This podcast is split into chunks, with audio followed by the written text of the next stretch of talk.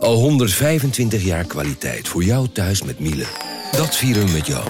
Ontvang nu tijdelijk een cashback tot 125 euro op veel Miele-apparatuur. Geniet van de kwaliteit van Miele. Voor perfect verzorgd wasgoed en kleding die veel langer mooi blijft. Voor een stralend schone vaat, even perfect als jouw diners. En een stofvrij thuis waarin echt hygiënisch schoon de standaard is. Check miele.nl voor alle feestelijke aanbiedingen. Ik ben al jaren ondernemer, maar waar moet ik eigenlijk allemaal aan denken nu ik voor het eerst personeel wil aannemen, voor het eerst ga importeren of voor het eerst een bedrijfslocatie zoek? Weet wat je wel of niet moet doen bij zaken die je voor het eerst oppakt. Check kvk.nl voor praktische stappenplannen. KVK, hou vast voor ondernemers.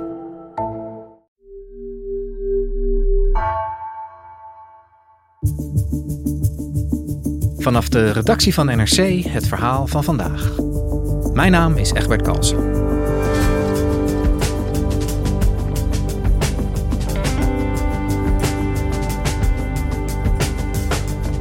Voetbalclub Ajax is dit seizoen geen schim meer van de Europese topclub die het de afgelopen jaren was.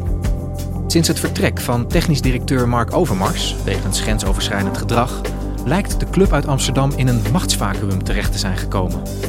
Sportverslaggever Joris Kooijman zocht uit hoe het in korte tijd zo'n ravage kon worden bij Ajax.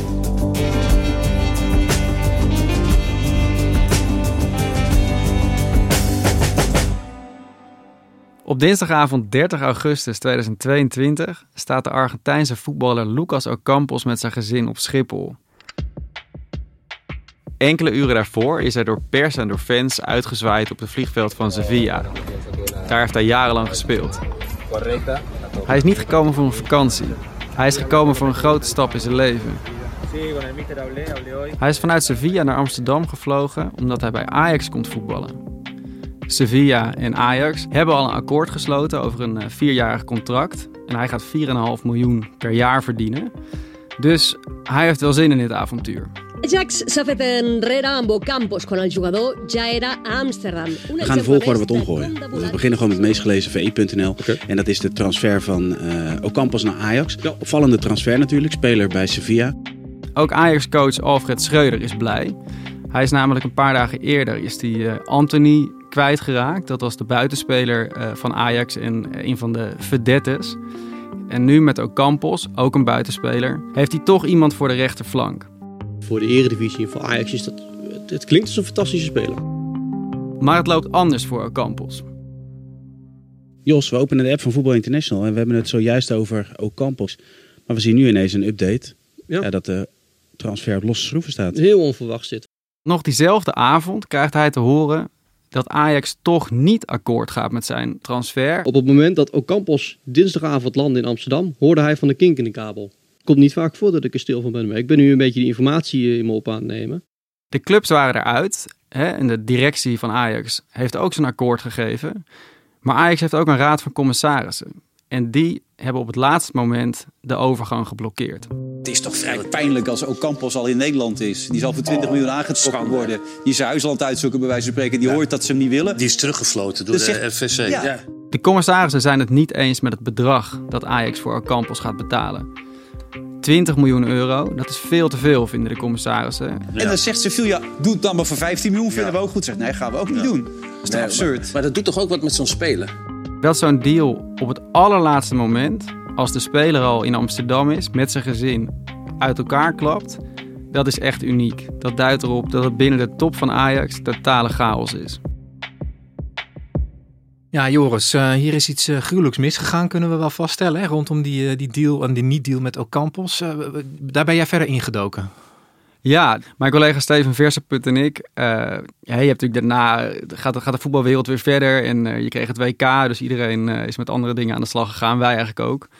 maar dit bleef ons wel bezighouden van wat is daar nou achter de schermen precies misgelopen. En eigenlijk begin dit jaar hebben we besloten om, om daar nog eens in te duiken en daar komt dan eigenlijk een, uh, een veel groter verhaal uit voort. Want jullie wilden weten wat er achter de schermen bij Ajax was gebeurd. Dat, dat lijkt me niet heel makkelijk. Dat is toch een relatief gesloten bolwerk volgens mij. Hoe, hoe zijn jullie te werk gegaan? Ja, dat klopt wel. Het gek aan de voetbalwereld is dat er eigenlijk heel veel naar buiten komt altijd. En tegelijkertijd blijft het vaak heel mistig wat er nou precies achter de schermen gebeurt. Hè? Uh, en dat, dat geldt voor deze deal ook. Maar hoe die miscommunicatie kon ontstaan en ook wat het zegt over Ajax, dat, dat fascineerde ons eigenlijk. Dat wilden we weten.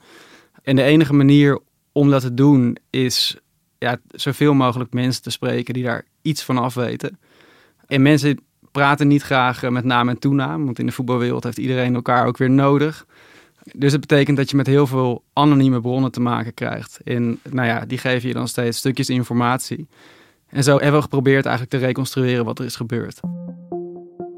En hoe meer mensen we spraken, hoe duidelijker ook het werd natuurlijk hoe uniek en hoe slecht de afgelopen transferzomer is verlopen. Nog los van precies welke aankopen er zijn gedaan, maar vooral hoe die aankopen en die verkopen tot stand zijn gekomen. Ja, want wat, wat was er zo bijzonder aan die transferzomer van 2022?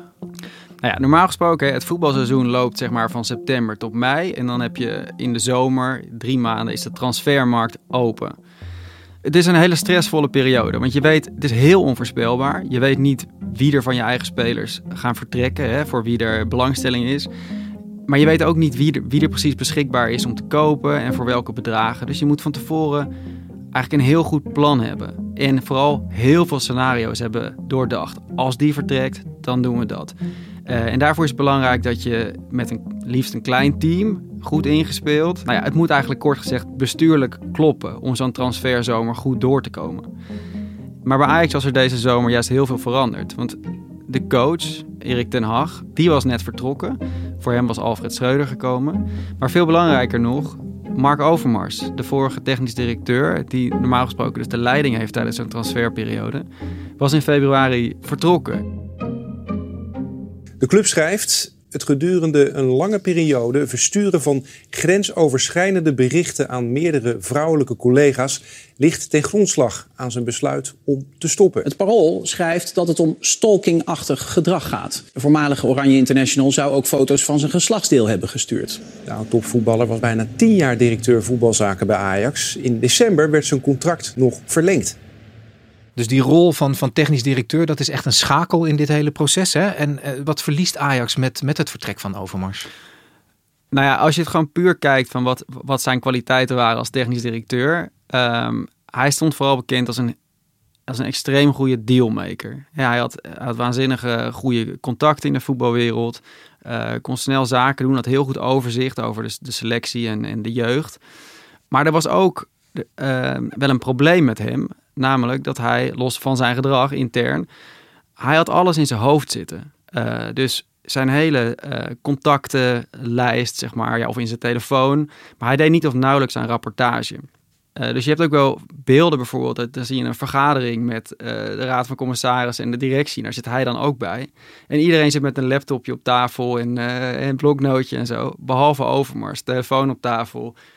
Dat wisten ze intern wel. En ook dat het een probleem kon zijn. Hè? Want als je hem een keer gaat vervangen, ja, dan heb je eigenlijk niks om op terug te vallen. Maar ze hebben daar eigenlijk hem denk te weinig op aangesproken. Hè? Dus de, de commissarissen, maar ook de rest van de directie, Edwin van der Sar. En nou ja, hij ging dus ook plotseling weg. Daar werden ze door overvallen.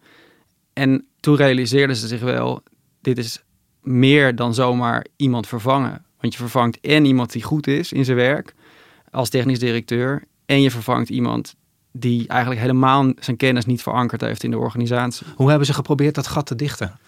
Nou ja, ze zijn eerst op zoek gegaan naar een vervanger, maar dat is een beetje een halfslachtige poging geweest. Ze waren natuurlijk ook uh, nog wel kapot van, uh, van zijn vertrek. Dat geldt zeker voor, uh, voor Van der Sar, de, de, de algemeen directeur. En ze hebben denk ik een beetje overschat hoe aantrekkelijk Ajax was voor buitenlandse kandidaten voor de functie van technisch directeur. Ajax zet hoog in, dus, dus ze willen internationaal meedoen. Dus dat was ook het plan. Die hadden ze uh, onder meer op het oog en die bleken allemaal niet haalbaar. En tegelijkertijd een Nederlandse kandidaat die volgens velen binnen Ajax geschikt was. Um, die is het ook niet geworden. Die heeft, is uiteindelijk zelf afgehaakt. Ja, en het resultaat is, en dat zijn ook de letterlijke woorden die later Van der Sar heeft gebruikt, is dat er gewoon een soort machtsvacuum ontstaat. En binnen zo'n club heeft iedereen ook nog eens zijn eigen belangen. Hè? De coach wil het liefst gewoon morgen de beste ploeg hebben. Uh, de directie moet ook denken aan, aan de komende jaren. En iedereen gaat dan elkaar tegenwerken. Of in ieder geval is de communicatie niet goed. Het, nou ja, je krijgt, het wordt stuurloos. Ja, en dat is echt het laatste wat je kunt gebruiken op zo'n onvoorspelbare, chaotische transfermarkt.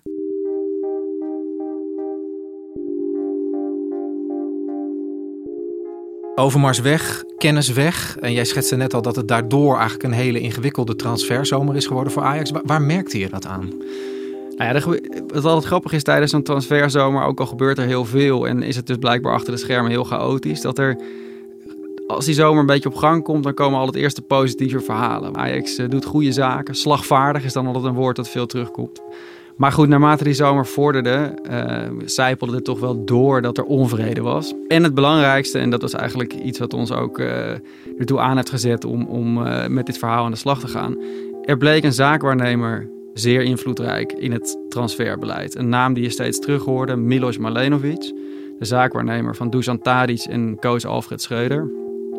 Die was, zo waren de geruchten, betrokken bij veel transfers. En als een zaakwaarnemer veel invloed krijgt binnen een club, dat is geen goed teken. Wat is daar vreemd aan? Zo'n zaakwaarnemer of spelersmakelaar zeggen ze ook wel eens. Hè? Wat, wat, wat is zijn rol normaal gesproken? Ja, in het voetbal hebben die eigenlijk meestal twee functies. Hè? Dus ze behartigen de belangen van de spelers die ze in hun stal hebben, zou je kunnen zeggen. En ze fungeren vaak als een soort oliemannetjes op die transfermarkt. Hè? Dus ze proberen transfers mogelijk te maken. En als ze dat lukt, dan krijgen ze daarvoor betaald. Namelijk een, een percentage van de transfersom bijvoorbeeld. Voor een spelersmakelaar is het natuurlijk heel aantrekkelijk om veel invloed te hebben op het transferbeleid van een club. Want dan kan je aan transfers verdienen en je kunt misschien spelers binnenhalen die, uh, die uit jouw stal komen. Hè? Daarom is het voor clubs ook heel ongebruikelijk dat je een spelersmakelaar verregaand betrekt bij het transferbeleid. Want ten eerste is dat informatie waarvan je niet wil dat het eigenlijk bij zo'n spelersmakelaar ligt. Want die dient toch in eerste instantie je eigen belang. Maar ook omdat je misschien bij spelers terechtkomt die vooral voor hem goed zijn. Of uh, je hebt er geen controle over. En het gerucht ging dus dat deze Malenovic bij Ajax eigenlijk die rol van Overmars voor een deel had overgenomen. Hoe, wat zegt Ajax daar zelf over? Ajax houdt zich daarover op de vlakte. Maar in oktober was er wel een bijzonder moment. Want Alfred Schreuder, de, toen nog de coach van Ajax, uh, die natuurlijk close is met zijn zaakwaarnemer, kreeg er ook vaak vragen over. En op een persconferentie in oktober ja, kon hij zich eigenlijk niet meer inhouden, zo leek het. En uh, nou ja, die, die ontstak in een uh, tirade over alle geruchten die de ronde deden. Kom met feiten, schrijf waarheden. Ja? Mijn zaakwaarnemer zou geholpen hebben met transfers. Ja, dat klopt. Dat is heel normaal in de voetballerij. Weet je waarom? Overmars is weg. Voor alle mensen in de club was het nieuw, de positie. Dan heb je mensen nodig met ervaring. Die hadden we op dit moment niet. Ja, dus daar heb je hulp nodig. Het is hartstikke normaal dat dit gebeurt. Maar ik ben er klaar mee. Ik hou me op niet meer. Volgens Schreuder is het dus allemaal doodnormaal dat dit gebeurt wij bleven er toch een, een, vreemd gevoel bij houden. Dus voor ons bleef het interessant om uit te zoeken. Ook wie is die Malenovic nou eigenlijk? En hoe werkt hij? Uh, en wat was nou precies de rol die hij heeft gespeeld afgelopen zomer bij Ajax? Ja. En waar zijn jullie achter gekomen? Wat was zijn rol bij Ajax? Het klopt dat hij uh, nadrukkelijk betrokken is geweest bij het transferbeleid afgelopen zomer van Ajax. Sterker nog, Ajax heeft hem als consultant ingehuurd. En ja, wij zijn natuurlijk met heel veel zakenwaarnemers gaan spreken en, en eh, ook clubs benaderd hè, die betrokken zijn geweest. En je merkt snel, dit is iets waar echt niet over gesproken wordt. De, de, de afspraken normaal gesproken, hè, die, die, die zaakwaarnemers onderling maken over verdeling van fees of, of die clubs uh, betalen aan zaakwaarnemers. Daar hebben ze het niet graag over. Toch hoorden wij op een gegeven moment uit de entourage van een zaakwaarnemer van een speler die afgelopen zomer naar Ajax is gegaan, dat hij in zijn omgeving zijn verbazing had geuit over de gang van zaken, hoe die transfer tot stand was gekomen. Toen hebben we die zaakwaarnemer zelf benaderd en die, nou ja, die wilde toen wel anoniem vertellen wat er was gebeurd. Um, en hij vertelde, de eerste verbazing was, hij werd dus gebeld door Malenovic en niet door iemand van Ajax, wat logisch was geweest, want er was al contact gelegd. Het was duidelijk dat Ajax hem wilde hebben. Waarom moet je dan nog Malenovic ertussen zetten? Um, en hij vertelde, ja, vervolgens sprak hij af met Malenovic. En toen kreeg hij te horen van, ja, uh, deze speler kan naar Ajax. Um, maar ik wil wel een deel van jouw fee.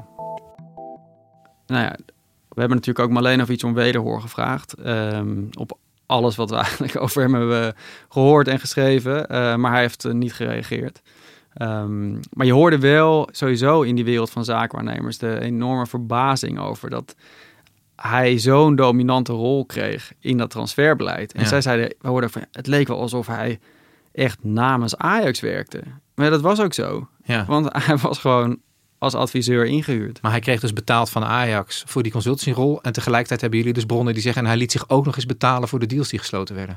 En wat zegt dat nou over, over de staat van Ajax, zeg maar? Dat ze dus zeg maar, met zo'n man in zee gaan om dat hele transferbeleid te doen. Ja, het is een zwakte bot, denk ik. Het, het, het toont aan dat, uh, dat je zelf dus de kennis niet in huis hebt... of niet vertrouwt op, uh, op de technisch managers die je op dat moment hebt. Dat waren Klaas-Jan Huntelaar en uh, Gerry Hamstra... En dat je dus het nodig vindt om daar uh, zo iemand voor in te huren die toch echt ook zijn eigen business heeft. Uh, en daar, daar ook aan zal denken, zeg maar. Het maakt je kwetsbaar, denk ik ook, of precies, niet? Precies, het maakt je kwetsbaar. Want ze betaalden Malenovic dus een vaste fee en hij kreeg niet per deal betaald. Maar wat ze niet weten is welke afspraken hij maakt met de zaakwaarnemers van de spelers die Ajax heeft gekocht.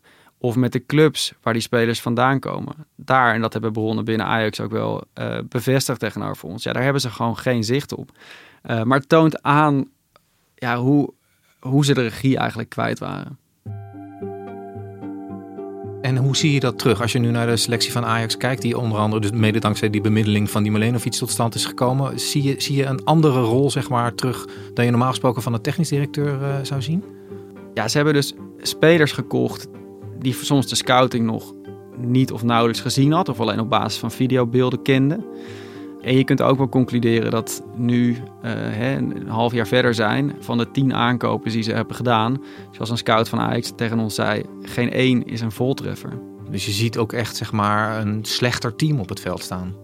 Ja, en dat, dat kan je natuurlijk niet alleen uh, zo Malenovic uh, bij hem neerleggen. Dat is eigenlijk vooral gewoon hoe Ajax deze transferzomer is ingegaan, onvoorbereid. En dat heeft gewoon voor een club grote consequenties. Het is wel een beetje triest als je naar Ajax kijkt. Hè? Als, je, als je weet dat wij nog die wedstrijd tegen Een paar jaar geleden, toen we hier jaar geleden kwamen. dat we dachten, nou, die tikt echt de, de Europese top aan dadelijk. En het is nu weer... Ja, het is echt, het is echt treurig om naar te kijken. Ja.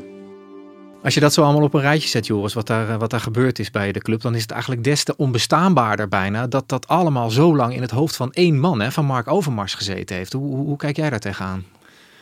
Ja, dat klopt wel. En dat komt natuurlijk ook omdat het heel goed ging met Ajax. En zoals iemand ook zei van binnen de club, van ja, als je succesvol bent, dan word je toch makkelijk. Uh, en, en het is ook nog eens de grote Mark Overmars. Spreek hem er maar eens op aan, weet je wel. Dus dat hebben ze niet goed gedaan. En dat, dat is een conclusie die ze intern ook hebben, hebben getrokken. Um, Wat zeggen zij daar dan over? Nou ja, ze erkennen allemaal wel dat, er, dat het echt niet goed is gegaan. Uh, eigenlijk in alle geledingen wel. Het is niet dat er, dat er met tevredenheid wordt teruggekeken op hoe het toen gegaan is. En dat gaat dus niet eens alleen die spelers die gekomen en vertrokken zijn, dat is het resultaat. Maar het proces waarmee dit allemaal tot stand is gekomen, dat klopte gewoon niet afgelopen zomer. En daar is iedereen het over eens. En heeft Ajax nou ook echt iets geleerd zeg maar, van die episode Overmars? En eigenlijk vooral de periode daarna. Hebben zij in hun, in hun bestuur zeg maar, dingen veranderd waardoor dit niet meer kan gebeuren? Nou ja, ze hebben zeker maatregelen genomen. Het probleem was ook namelijk dat Overmars de helft van de organisatie onder zich had, rapporteerde aan hem. Hij was een dealmaker, hij was geen, geen manager, maar hij had wel de jeugdopleiding, de scouting, de medische staf, alles viel onder hem, zeg maar. En dus hebben nu Maurits Hendricks, voormalig NOC-NSF, hebben ze aangesteld om nou ja, een deel van die taken voor zijn rekening te nemen, om ook de, de, de jeugdopleiding te professionaliseren. Dus de belangrijkste les is eigenlijk dat je ook niet zo'n uh, belangrijk deel van die organisatie afhankelijk moet maken van één persoon. En dat zijn ze nu aan het veranderen. Hey, en zijn er, nou, zijn er nou echt verliezers aan te wijzen van dit verhaal? Ik bedoel, wat, wat doet dit met Ajax? Wat heeft dit met Ajax gedaan, deze hele crisisperiode? Nou ja, die Alcampos-affaire bijvoorbeeld, daar hebben ze wel echt gezichtsverlies geleden. Andere clubs zien dit ook gebeuren. Die denken, wat is er in godsnaam bij Ajax aan de hand?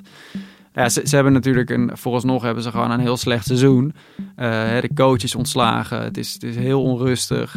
Um, en de kans is zeer aanwezig dat ze geen Champions League halen. Nou dat heeft financieel ook grote consequenties. Spelers die je voor veel geld hebt gekocht kun je, en, die niet goed blijken te zijn, die kun je minder makkelijk voor veel geld verkopen. Dus het één zo'n transferzomer heeft al flinke consequenties. nog zo'n slechte transferzomer kunnen ze zich eigenlijk echt niet veroorloven. Want je ziet ook hoe snel het kan gaan. Een paar jaar geleden was Ajax uh, had iedereen het internationaal over Ajax. Van, die hebben echt nu de strategie bedacht om als kleinere club uit Nederland internationaal mee te tellen. En hoe snel zoiets dus ook kan vervliegen. Nu vlieg je eruit uh, in de Europa League tegen Union Berlin. Je wordt, haalt misschien geen Champions League. En uh, iedereen vraagt zich af, wat is er bij Ajax aan de hand? Dankjewel Joris. Graag gedaan. Je luisterde naar vandaag, een podcast van NRC. Eén verhaal, elke dag. Deze aflevering werd gemaakt door Esme Dirks en Jan-Paul de Hond. Coördinatie Henk Ruigrok van de Werven. Dit was vandaag, morgen weer.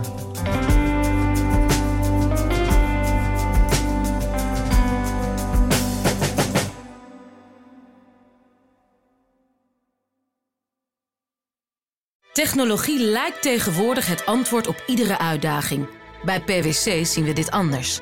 Als we de potentie van technologie willen benutten, kunnen we niet zonder een menselijk perspectief. Human-led, tech-powered noemen we dat. Ga naar pwc.nl.